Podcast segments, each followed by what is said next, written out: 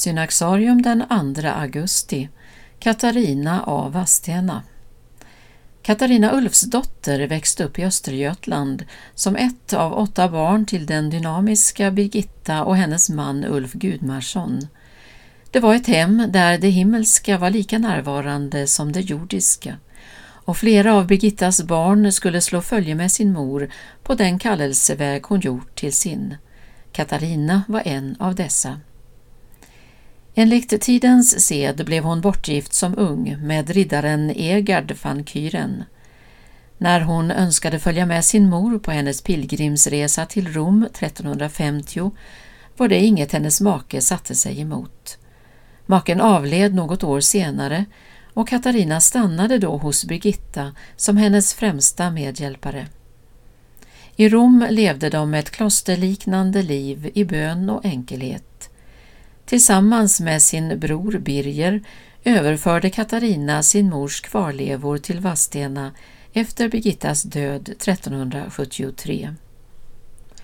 Ungefär samtidigt började klostret i Vadstena att byggas utifrån de ritningar som Birgitta tagit emot i sina visioner. Utan att avlägga formella löften blev Katarina Vadstena-klostrets första ledare.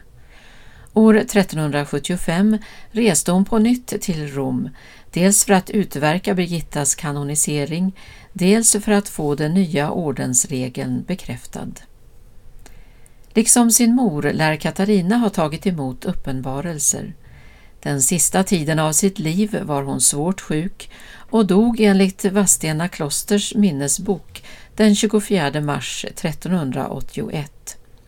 Tre biskopar förrättade hennes begravning och många övernaturliga tecken bevittnades vid hennes grav. Efter sin död dröjde det inte länge förrän Katarina av Vadstena betraktades som helgon, men beatifikationsprocessen genomfördes inte och hindrades slutgiltigt av reformationen. Katarina skrinlades den 1 augusti 1489 i Vadstena. Hennes kvarlevor förvaras tillsammans med Birgittas i Vadstena klosterkyrka. Hon firas den 2 augusti. Katarina avbildas i Birgittinordens dräkt. På en del avbildningar har hon vid sina fötter en hind som hon enligt legenden ska ha skyddat vid en jakt.